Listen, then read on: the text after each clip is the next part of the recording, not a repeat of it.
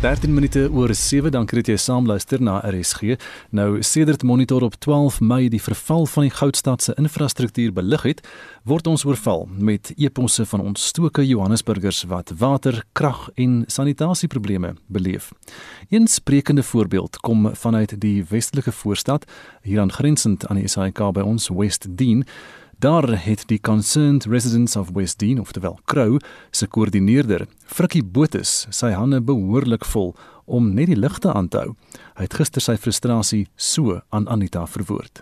Ons het nou al vir 'n paar maande wat ons sukkel met ons kragvoorsiening hier in West Dean, want ons uh, mini-substasie in Ashroad is oorlaai met al hierdie kommunes wat soos paddastoeltjies begin opreis hier in West Dean. En nou gister toe hulle nou besluit hulle gaan nou daarom die substasie begin grawe. Hulle noem dit 'n uh, power balancing. So hulle gaan nie 'n nuwe ekstra substasie opsit nie, maar hulle gaan nou die kragbalans want party van die uh strate gebruik minder krag en ander meer krag. So die ene wat ons nou op het gebruik blikbaar te veel krag want daar is drie nuwe woonstel gebou hierso in uh, West Dean die afgelope 3 jaar. En in plaas van dat hulle hulle eie mini substasies opsit, dan konnek hulle sommer onwettig deur hierdie subkontrakteurs op die uh, elektriese pale. Sê vyf van hierdie woonstelgeboue neem ek aan is dan self nie wettig as hulle van onwettige kontrakteurs gebruik maak nie. Hoeveel van daai 3 nuwe woonstelgeboue oor die afgelope 2 jaar of so is wel wettig? Het deur die korrekte prosedures gegaan? Ja, die een wat alles presies gedoen het soos ek moet is daar die een op die hoek van Loosweg en uh, Perth Road oor kan die garage want hy het sy eie mini substasie ingesit en blykbaar kos so 'n substasie 1.5 miljoen rand en baie van hierdie woonstel eienaars wil nie daai ekstra geld spandeer nie nou sit hulle op die paal wat net 150 watt of al 150 amps krag kan vat sit hulle omtrent 80 tot 100 woonstelle op En dit is 'n brandgevaar. Dit trek ons krag dood in ons munisipalitasie. Het jy al gekla daaroor by die munisipaliteit, by die metroraad? Ja nee, ek het baie met die stadsraad lid Genevieve Sherman gekla.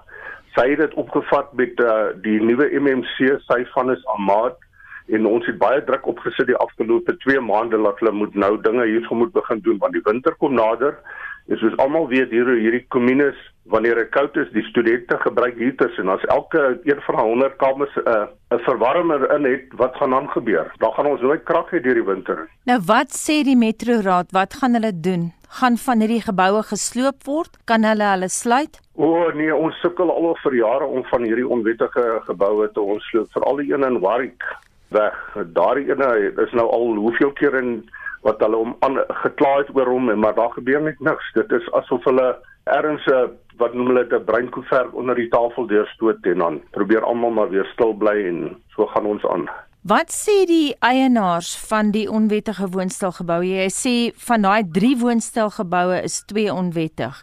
Het jy al met hulle kontak gemaak? Ja nee, ek het uh, hulle gesê asseblief moenie weer onwettig want die dag toe ons uh, City Power gekry het om die krag af te sny, toe besluit hulle die volgende dag om 'n subkontrakteur te kry om dit te kom herkonnekteer. En toe ek haar kom sê ek maar waar kom julle vandaan? Toe sê nee, hulle is van City Power. Ek sê nonsens man. Ek sê City Power gister hier gewees. Hulle het die hele kabel van die paal af tot by die distribusieboks verwyder. Nou wil julle kom terugsit en julle sê julle City Power. Ek gaan nou vir City Power bel.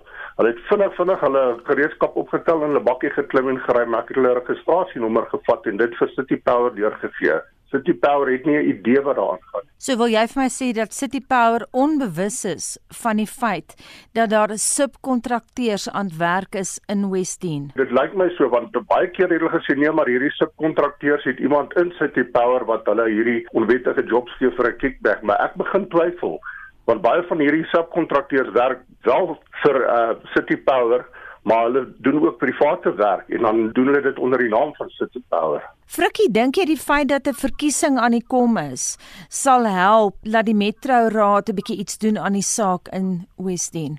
Ek glo nie. Ek twyfel dit sterk. Die concerned residents of Westdene of the Velcroda, dis die koördineerder Frikkie Botus en Anita het daardie onderhoud met hom gevoer. Nou monitor is verwys na Mpo Morane in die Johannesburgse metro vir antwoorde op inwoners se kommer. Nou Morane is die enigste persoon wat kragsaake mag hanteer, maar hy was die hele dag onbeskikbaar vir enige kommentaar. Die veteraan uitsaaier Monica Breed is die week dood en ter viering van haar lang en loofryke loopbaan by die SAIK het Monitor gister met behulp van die argief se Karen de Tooi op die volgende onderhoud afgekom.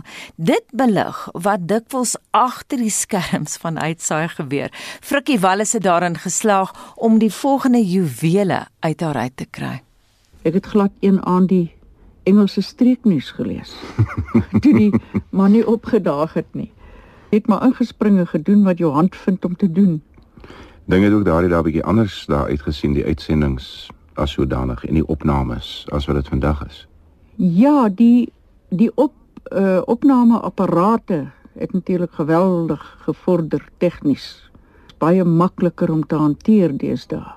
Jy weet ons nie ou dae daar in die Natalse binneland ingegaan om nou opnames vir 'n hoorbeeld te maak met 'n Ampex, 'n groot Ampex masjien agter in 'n vragmotor.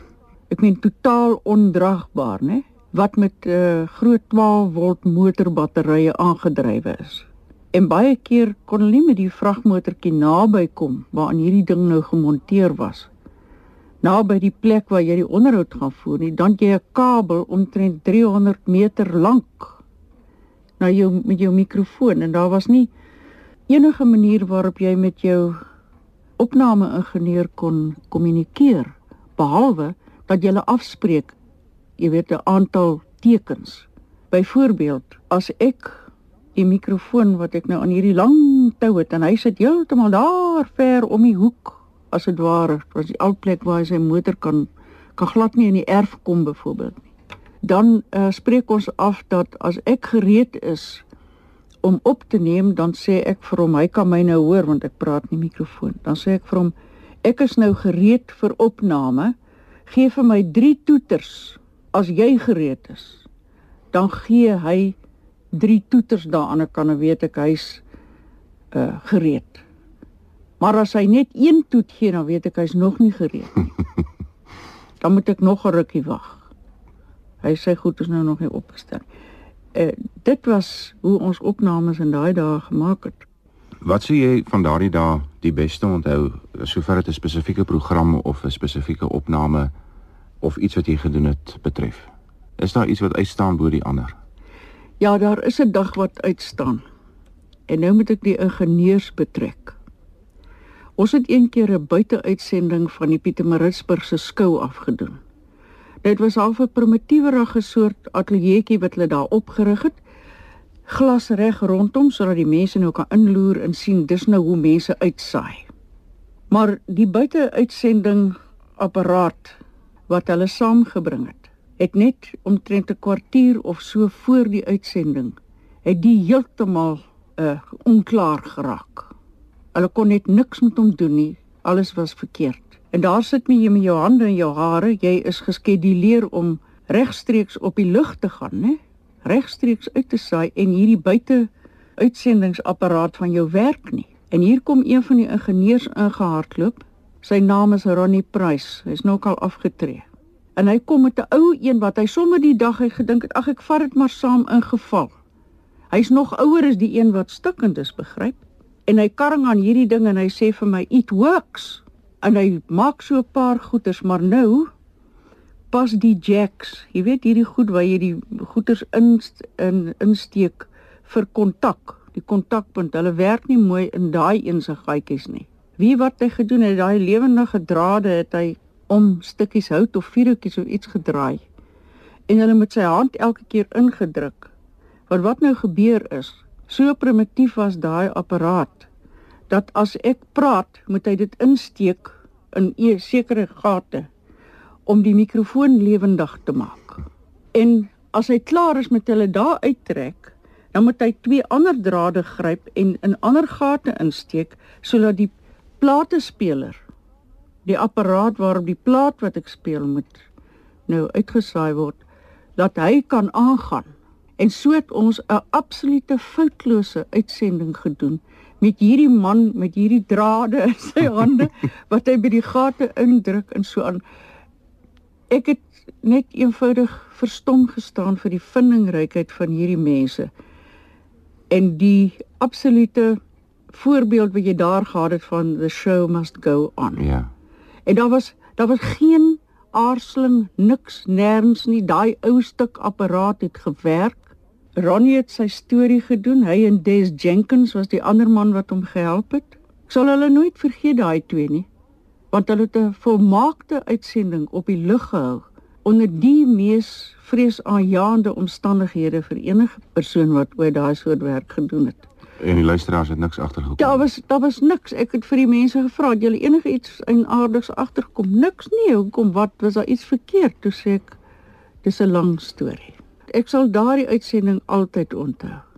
En daar was 'n ander ene wat ewe uh, ongemaklik was en wat 'n bietjie vreemd verloop het. Dit was met Durban se Eufees.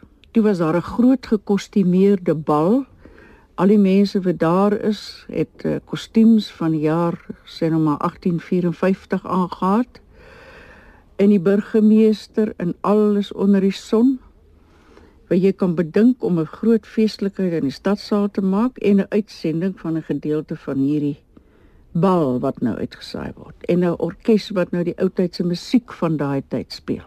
Die oomblik toe hulle sê ons skakel nou oor ek het die die uh, moes nou die klere in goed beskrywe en uh my kollega Etienne Lou moes nou die bal beskryf hoe die mense nou dans. Nou hulle was aan die dans en so aan als en ek het vooraf gelukkig aantekeninge gemaak oor die klere wat die mense aangetree het, die pragtige kostuums van die jaar 1854. Op daai oomblik toe hulle oorskakel na die stadsaal toe, wat ons nou moet begin beskryf wat daar aangaan. Toe's daar iewers 'n kortsluiting en al die ligte in die stadsaal gaan mors dood. Wat toe gebeur is die orkes aarsel, maar hou op 'n een of ander vreemde manier aan die speel. 'n Paar brandweermanne hardloop met hulle flitsligte op en die musikante sê vir hulle: "Hoor hier lig hier, lig hier op ons musiek." maar hou aan speel. En Ehm uh, Etienne fluister vir my saggies in my oor. Hy sê hier's nog 'n brandweerman met 'n lig. Jy kan minstens op jou aantekeninge kyk. Ek kan nie nou die bal beskryf nie. Gaan jy maar voort en beskryf die klere. En ons het 'n hele lang ruk so in die donker uitgesaai voor die ligte weer aangekom het. so uh weer eens 'n geval van die die vertoning moes aangaan. Ja. En ons het nie vir die mense gesê die ligte is uit nie. Ons het maar aangehou vertel en 'n brandweerman het met sy flits gestaan en vir my gelig hier op my aantekeninge en toe het ek maar so by die klere beskryf. Maar uh sulke oomblikke was eintlik pret. Wat sou jy beskryf as of beskou as jou groot hoogtepunt? Uh dis nie 'n vraag wat ek graag beantwoord nie want uh wat is 'n hoogtepunt? Is dit wanneer jy pryse gewen het? Dan was daar geen hoogtepunte in my Wat is vir die lekkerste om te maak? Ehm uh, of uit te saai of aan te bied. Vir my was altyd die program waarop ek uh daai oomblik besig was om te werk, waarin ek gewerk het op 'n spesifieke oomblik. Dit was vir my altyd die die lekkerste program. Al wat ek vir jou kan sê is dit was vir my altyd baie lekker om uit te saai en dis vir my nou nog lekker om uit te saai. Was die direkte uitsendings vir jou het dit vir jou meer bevrediging ingehou as die programme wat jy dan nou kom ons sê maar verpak het wat jy op band opgeneem het. Ek sou nie sê dit was meer bevredigend nie. Maar ek sou vir jou dit sê van regstreekse uitsendings. Dit leer 'n mens konsentreer soos niks anders op die aarde nie. Want aangesien jy nou op die lug is, jy is besig om uit te saai en jy kan nie soos wanneer daar 'n fout kom op 'n bandopname dit uitredigeer nie. As er iets vreesliks verkeerd gaan, dan moet jy eenvoudig kombers gooi daaroor en jy moet aangaan en bedink baie vinnig op jou voete dink uh hoe jy hierdie katastrofe gaan uh, hanteer. Jy het nie tyd gehad om om uh plannetjies te bedink nie, jy moet dit baie vinnig doen. Soort van ding wat uh in die ou dae toe ons nog breekbare plate op uh, teen 78 rotasies per minuut gebruik het. Een keer het een uit my hand uitgeval terwyl ek na kom klaar aangekondig het. Was 'n stuk van 'n simfonie, het my hand uitgeval op die tafel en ek net middeldeur gebars. Nou wat sê jy vir hulle? Ek is vreeslik jammer, maar ek gaan nou aan met die derde deel van Beethoven se sewende simfonie, want ek het nou net die tweede deel gebreek. Maar ek as ek so luister na jou vertellings en die dinge wat jy sê, dan klink dit nie vir my of jy ooit senuwees gehad het nie. Nee, dit is uh, heeltemal 'n verkeerde indruk. uh ek is nou nog 'n baie senuweeagtige uitsaaier. Nog altyd die koelkol op my maag as ek voor 'n mikrofoon sit. En ek dink ook nie dis 'n slegte ding nie. Ek dink 'n mens moet altyd op jou pas opens wees dat jy nie te gemaklik raak nie. Mense hoor dit soms dat mense oor familier raak. Hulle is te op hulle gemak. En dan word iets iets word slordig en onpresies. Vir my is presiesheid een van die beste eienskappe wat jy in 'n goeie uitsaaier vind. Gustaf baie wyse raad hè. Baie wyse raad en dit is presies soos ons nog die, die show must go on soos wat sy sê, né? Ons ons beleef dit baie. Ja. ja. Ons sit almal in lag hier. So dit dan die stem van oorlede Monica Breed en die onderhoud met Frikkie Wallis is op 18 Junie 1990 uitgesaai. Die onderhoudvoerder was Frikkie Wallis en die regisseur Sarel Meiburg. Monitor het die klank met behulp van Karen de Tooi in ons argief opgespoor. Watter soort inperkings wil luisteraars hê en watter nie? Dis die vraag wat ons vanoggend vra Hendrik, wat sê jy luisteraars? Dit is so Anita, hier is 'n SMS wat sê protesoptogte, Zuma hofsaake, stakings is super verspreiders, maar dis oukei, okay, dit kan maar voortgaan. En dan iemand wat Hannetjie wat skryf want ek sit elke middag ongeveer 20 minute vir my man en wag by die Woodstasie in Tableview Kaapstad. Terwyl ek wag, stop hier by baie taksies wat mense op en aflaai. Die meeste van die bestuurders en die passasiers het nie maskers aan nie. Nou vra ek, waar is die mense wat daarna moet kyk? Hoekom word hulle nie beboet soos wat daar gesê soos wat daar vo, vooraf gesê is nie uh, gedoen sal word nie. Talle van die verbygangers dra ook nie maskers nie. Waar moet ek gaan kla? Maar Elise Erasmus sê COVID is hier om te bly. En Johan Keen antwoord dan daarop COVID is nie hier om te bly nie. Dit sal weggaan as almal net wil luister. Analiseer president Ramaphosa sal moet die aanklokreël herinstel en dan moet dit gepolisieer word. Anders help dit niks. Samekomste versprei ook natuurlik die virus. Ria Kemp Kutsie sê as ek so na die kommentaare kyk, is my gevolgtrekking ongelukkig en ek gaan nou nie die woord gebruik wat sy gebruik nie. Daar is nie 'n inenting vir dit nou nie. Want inperkings is nodig al is dit dan stadsgewys of provinsiaal, maar ek gee op Die mense se rede het hulle toetentaal verlaat. Letitia Meyskot sê geen inperking is ehm um, dit is jy en jy alleen wat na jouself kan kyk. Renwil de Jong sê geen maatreëls sal die beter ding wees nie behalwe die gewone masker en hande was ons land en vir al armes kan nie nog so 'n sessie waarmee hy bedoel streng inperkings oorleef nie. Lidl Stokker Stokker sê zero maatreëls Dit maak geen verskil nie. Geen maskers of social distancing nie. Kuier by wie jy wil, gaan waar jy wil, leef terwyl jy kan. Iemand anders, dis nou Eenet van Durban, skryf in hoofletters basta met lockdown. En dan uh, iemand anders wat skryf as daar nog lockdown kom, sal mense sonder werk en kos sit en kan hulle uiteindelik moord pleeg daarvoor want Ramaphosa weet nie wat dit is om honger te wees nie. En dan Paul Horren wat reageer op die afsterwe van Ben Creer, die bekende akteur wat weens COVID komplikasies ehm um, dood is en hy sê hy onthou vir Ben van skool daar se tyd af en sy hart gaan uit na sy mense toe. Hy was 'n groot gees gewees. As ek dan nou mag byvoeg Anita, ek kon ook vir Ben by geleentheid sê daar by die binnelanders ateljee dat ek hom hom onthou van die dae van brood vir my broer mm -hmm. en daai daai befaamde Afrikaanse TV-drama reekse van destyds. 45889. Dis ons SMS nommer teen 150 elk kan jy van jouself laat hoor. Dis nou so 23 minute voor 8 uur by Monitor en tyd vir wêreldnuus gebeure. Nou minstens 150 mense word vermis nadat 'n veerboot in die Niger rivier in Nigerië gesink het. Die meeste van hulle is vroue en kinders wat van sentraal Niger na Warra in die noordwestelike gedeelte van die land gereis het. Marlene Forsie volg die en ander stories op die internasionale nuusfront vir ons. Marlene, goeiemôre. Môre Gustaf in hierdie storie ontwikkel nog steeds wat ons sover weet is dat die boot se maksimum toelaatbare passasiers maar 80 is. Daar was egter na raming sowat 200 mense aan boord. Dis meer as 2 keer die toelaatbare syfer. Minstens 20 mense is sover gered, maar is onduidelik hoeveel lyke uit die rivier gehaal is.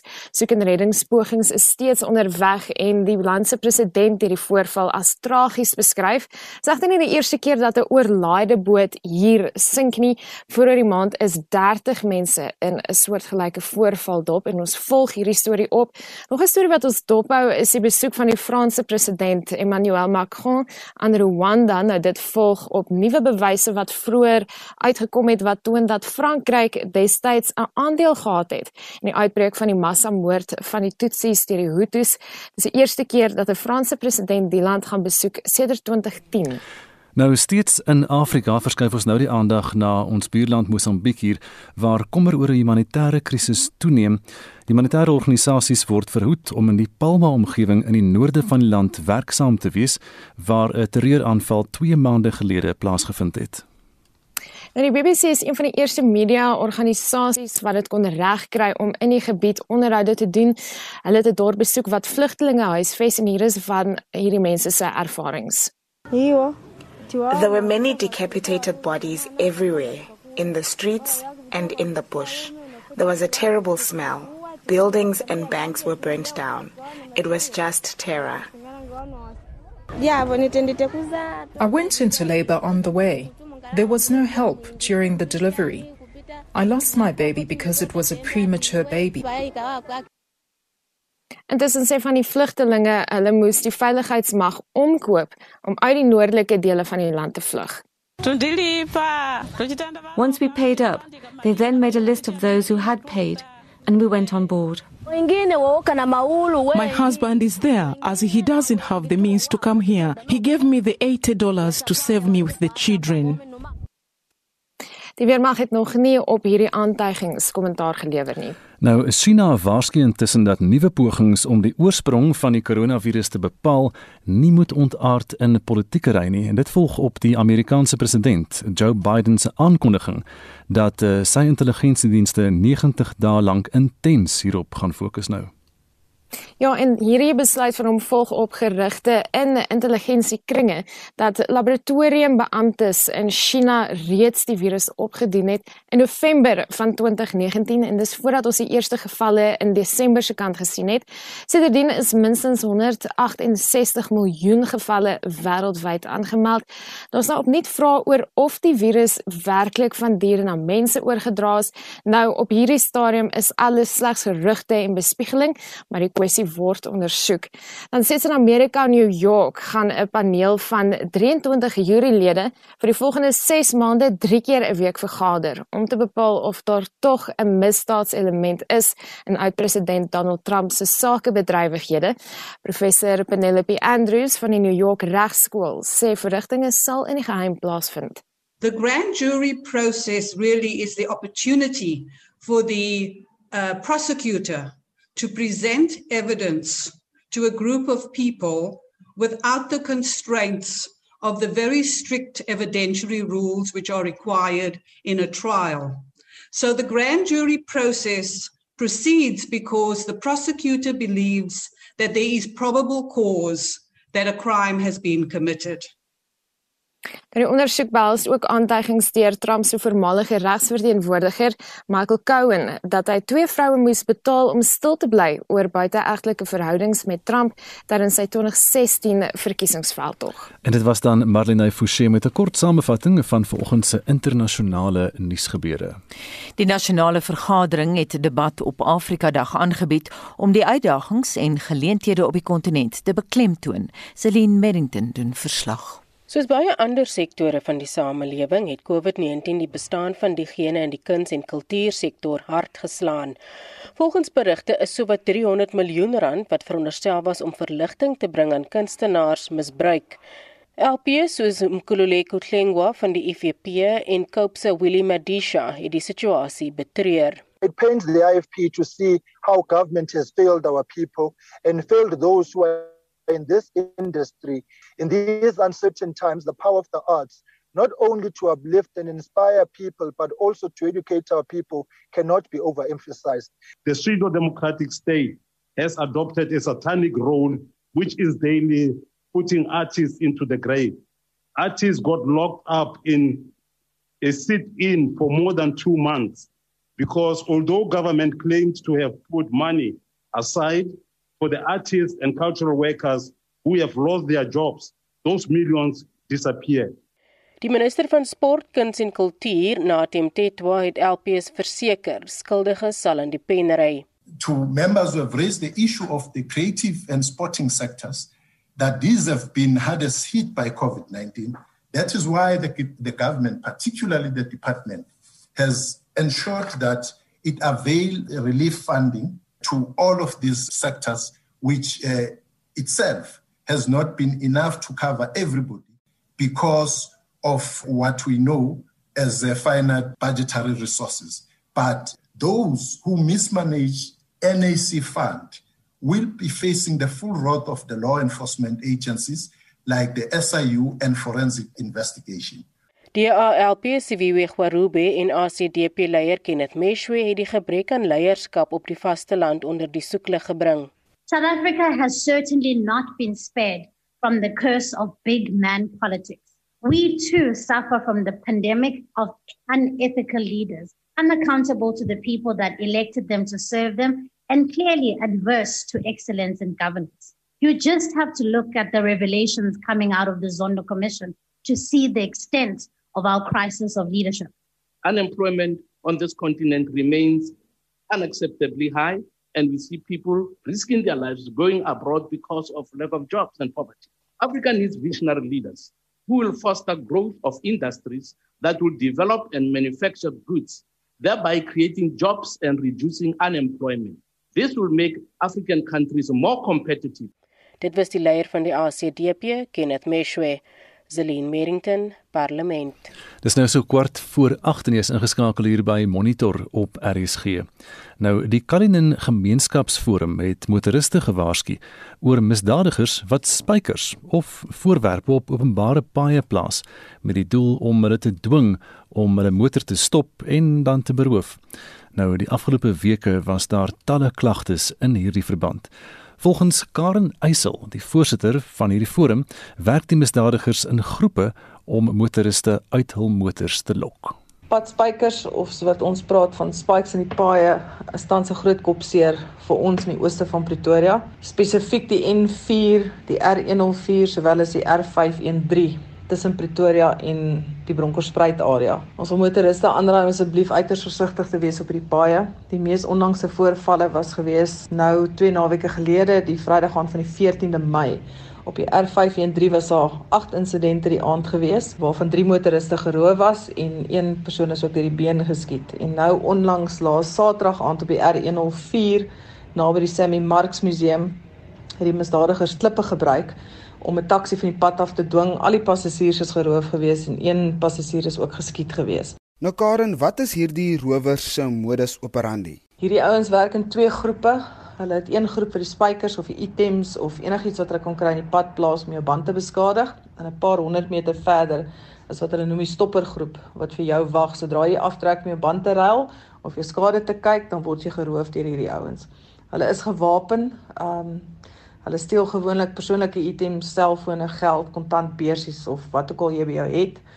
Hulle is baie gewelddadig. Hulle huiwer nie om geweld te gebruik nie. En Karen, het jy enige wenke vir ons motoriste hoe hulle hulle self teen hierdie rowers kan beskerm? So ons wil al die mense aanraai wat hierdie paaie gebruik veral in die aande na 8 tussen 8uur en 12uur 1uur in die oggend. Wees bedag, verminder jou spoed op hierdie paaie. Hoe stadiger jy ry, hoe beter is jou kans om uit te swaai vir enige item. Al is dit net 'n plastiese sak, moenie boor dit ry nie want baie keer steek hulle hierdie padspykers weg binne in 'n plastiese sak. Indien jou band nou beskadig is, moenie onmiddellik stop nie. Begin dadelik die noodnommers op jou foon kontak, laat mense kan uitkom om jou te help. Ry aan so ver as wat jy kan met hierdie papband. Al beskadig jy jou wiel op die einde van die dag, die prioriteit moet wees om 'n afstand te maak tussen jou en die misdadigers agter jou. En dan wil ons ook vir enige slagoffer vra om asseblief die saak aan te meld by jou naaste polisiekantoor. Al is dit net jou band wat beskadig is en jy is nie geroof gewees nie, gaan meld daai sake aan. Dit is baie belangrik dat elke insident aangemeld word by die polisie. En eh, daardie goeie raad kom van Karen Eysel. Sy is die voorsitter van die Cullinan Gemeenskapspolisieeringsforum en eh, sy het daar met Vincent Mofokeng gepraat. 'n Natuurreservaat in Noordwes het na 'n plaas naby Mosselbaai in die Wes-Kaap verskuif. Dit is te wyte aan veiligheidsake wat verband hou met stropery, vergiftiging van hulle groot katte en onvoldoende polisieering. Die Ubuntu Wildreservaat het tot dusver 10 leeu's en 2 tiere na hulle nuwe tuiste gebring. Tanya Krause doen verslag. Die hervestiging van die diere na Mosselbaai is vir hul eie veiligheid gemaak as gevolg van 'n toename in wildstropery in Noordwes. Navorsing toon dat die Suid-Kaap lae statistieke vir stropery het en ook 'n geskikte habitat bied. Die reservaat is in 2015 begin deur 'n groep mense van reg oor die wêreld wat 'n visie gedeel het om 'n unieke en etiese reddings- en rehabilitasiesentrum vir die bewaring van wildlewe te vestig. Hierdie groep groot katte is uit dieretuine in Argentinië, paddieretuine in die Oekraïne en jagplase in Suid-Afrika gered. Die kampe op die bykans 2000 hektaar grond gee genoeg spasie om vrylik rond te loop. Jurg Olsen is die reservaat se stigter en operasionele bestuurder. Al ons diere kom uit bitter moeilike omstandighede uit en um, van Oekraïne, Oekraïne, ons het van Argentinië, daar's nog diere van Argentinië wat kom. So dis diere wat regtig swaar gekry het. Hierdie stuk grond is hulle sin. Hierdie is hulle toekoms, hier's waar hulle gaan lewe, hier's waar hulle die res van hulle lewens gaan sluit saam met ons. Die reservaat het reeds sy eie teenstropery eenheid en 'n gespesialiseerde sekuriteitsonderneming gestig om die diere veilig te hou. Die Wes-Kaapse regering en plaaslike munisipaliteit het nou saam met Ubuntu gewerk om hulle te hervestig. Mosselbaai se onderburgemeester Dirk Coetzee. Toe Ubuntu met ons kom gesels het, uh, Mosselbaai munisipaliteit was eintlik redelik betrokke in die hervestiging. So ons is baie trots dat hulle vandag hier is. Uh, Natuurlik ons glo hulle hulle het so in hulle boekie ook uh, gewys dat dit die rede is hoekom hulle na Mosselbaai uh, hierdie area kom, is omdat ons van die munisipaliteit se kant af uh, bereid is om saam te werk dat ons dan en graag werk met mense wat wil investeer in ons omgewing. So ja, ons is baie trots dat hulle vandag hier is. Dit is vir ons 'n baie spesiale dag. Olsen sê hulle is ook in die proses om 'n renosterweeshuis op te rig. Ons is besig met 'n projek wat ons renosterweesies wat eh, kom uit situasies waar die waar die maas uh, gestroop is, seer gekry het, die renosters, die klein renostertjies getraumatiseer. Ons is besig om met hulle ons gaan 'n orphanage opsit saam met die Lawrence Anthony Earth Organization en ons sal dit dan hiernatoe bring en dan hierso sal ons hulle die plan is om hulle vry te laat in spesifieke areas en dan ook in samewerking met die Wes-Kaapse regering om om plekke te identifiseer daarvoor. Terwyl ander reservate in die streek op toerisme staat maak om hul te ondersteun, sal Ubuntu nie dagbesoekers by hul fasiliteit toelaat nie omdat hulle internasionale befondsing en skenkings ontvang. Ek is Tanya Krause op Mosselbaai. 'n Nuwe internasionale studie toon dat koolsuurgas wat vrygestel word wanneer visse gevang word met sleepnette baie meer koolsuurgas vrystel as wat voorheen geglo is. Vorige navorsing het getoon dat kos uit die see 'n kleiner koolsuurgas voetspoor laat as ander dierproteïene. Dit is omdat die diere op plaasgrond aangehou word en grootskaalse versorging vereis. 'n Professor in die departement dierkunde aan Noordwes Universiteit, Henk Bouman, gee sy indrukke oor die studie. Dan kom daarop neer dat die bodem van die see, die sediment versteur word en die koolstof wat vasgevang is uh, oor duisende jare en wat nog steeds 'n sink is vir koolstof uit die atmosfeer uit daar vasgevang word en dis nou versteur en nou kan dit weer teruggaan in die oseaan.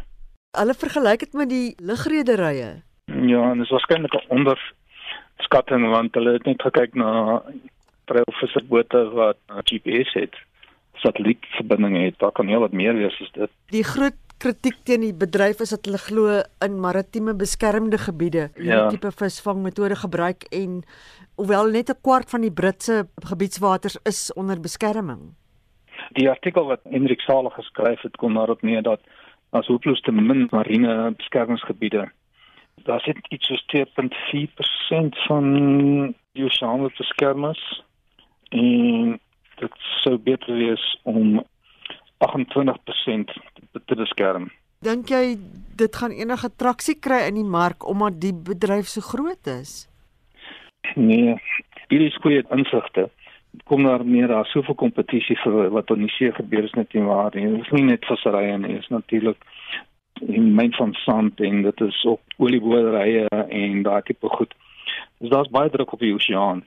Juist om hierdie goed nou te probeer uithaal om die persentasie wat uh, beskerm word te verhoog gaan problematies wees. Maar aan die ander kant as jy meer van hierdie gebiede beskerm kan jy juis meer kos uit die water uithaal want jy beskerm sekere gebiede sodat die visse en die biodiversiteit daarvan daar kan hulle voortbestaan en juis dan meer voedsel verskaf in hierdie omliggende gebiede wat dan nie beskerm is nie waar daar vis gevang kan word. So dit sal sekerlik afhang hoe dit gestel word aan die bedryf. Ja, en bedrywe natuurlik as jy wat meer as net dit en visserye is geweldig sensitief want waar gaan jy die beskermingsgebiede sit en as jy kyk na Suid-Afrika as veral langs Angola en Namibië se kuste hierdie lande is arm en en ons afhanklik van hulle visserye dis om groot gedeeltes van hulle visserry gebiede in te beskerm dis heel wat politiek en visserye is geweldige politieke sensitiewe goed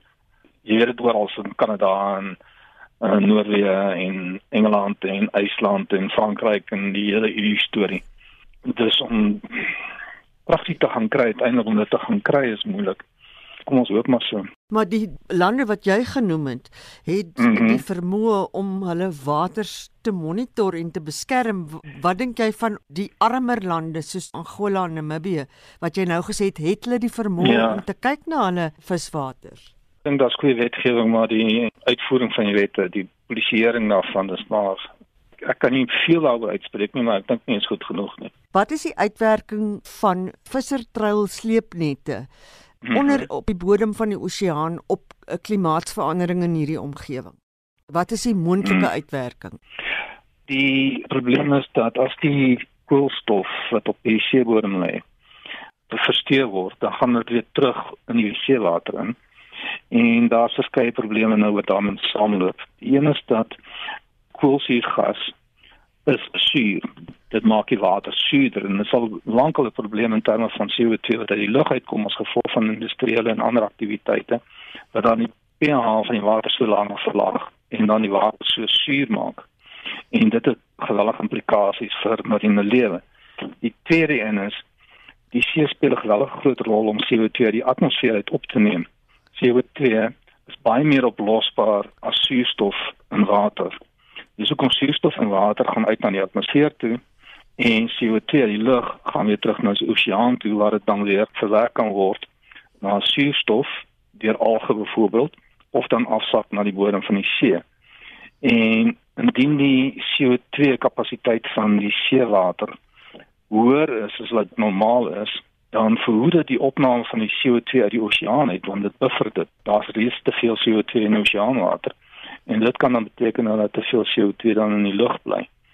Dus die implikasies daarvan is nie maklik om te voorsien nie, maar vir die getalle wat ons het, ongeveer 1 gigaton koolstofdioksied per jaar.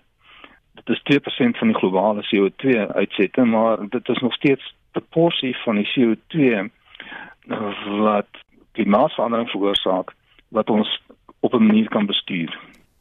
Ja, dit dan professor Renk Bouman, hy is van die departement dierkunde aan Noordwes Universiteit en Mitsi van der Merwe het daardie onderhoud met hom gevoer. Ons het daarom nog 'n SMS terugvoer, Heinrich. Aneta ja nou wil 'n persent sê inperking is nie meer nodig nie. Lenet von Willig Groenewald sê die aandklokreël en drink on site soos wat sê dit stel. Mense moet by hulle huise drink. Wiekers Viljoen sê goed deurdagte maatreëls wat 'n bydrae maak tot die oplossing van die probleem. Ongelukkig het ek nog niemand van gehoor of gesien wat werklik weet waarvan hy praat nie lyk of hulle net kyk hoe groot die impak hulle kan maak of hoe wat 'n groot impak hulle kan maak sodat ek kan dink hulle is slim. Dis net die regering sê Wikus terwyl hulle flink werk aan hulle eie beursies. Antoinette Maree sê dra jou masker was jou hande en behou afstand. Kyk na die nuus kyk hoe min mense gee gehoor aan die dra van maskers. Christo skutte sê ek sal maar die masker dra maar asseblief moet nie die bierwinkel weer toemaak nie En nou gaan ons na Marlene Marlene, dis jy wat die dagboek doen vir ons vir Spectrum, reg? Inderdaad, Anita, Statistiek Suid-Afrika maak April se produsenteprysinflasie bekend. Transnet verwante getuienis word vir die Zondo-kommissie aangehoor en ons monitor die taksiebetogings in die Oos-Kaap. Dit het meer op Spectrum tussen 1 en 8 tussen 12 en 1 op RSG. Nou daarmee groet die Monitor redaksiespan namens ons redakteur hy's ook ons waarnemende uitvoerende regisseur Wessel Pretorius. Ons tegniese regisseur vanoggend was Daitron Godfrey. My naam is Anita Visser en dit bring ons by die 8uur nuus.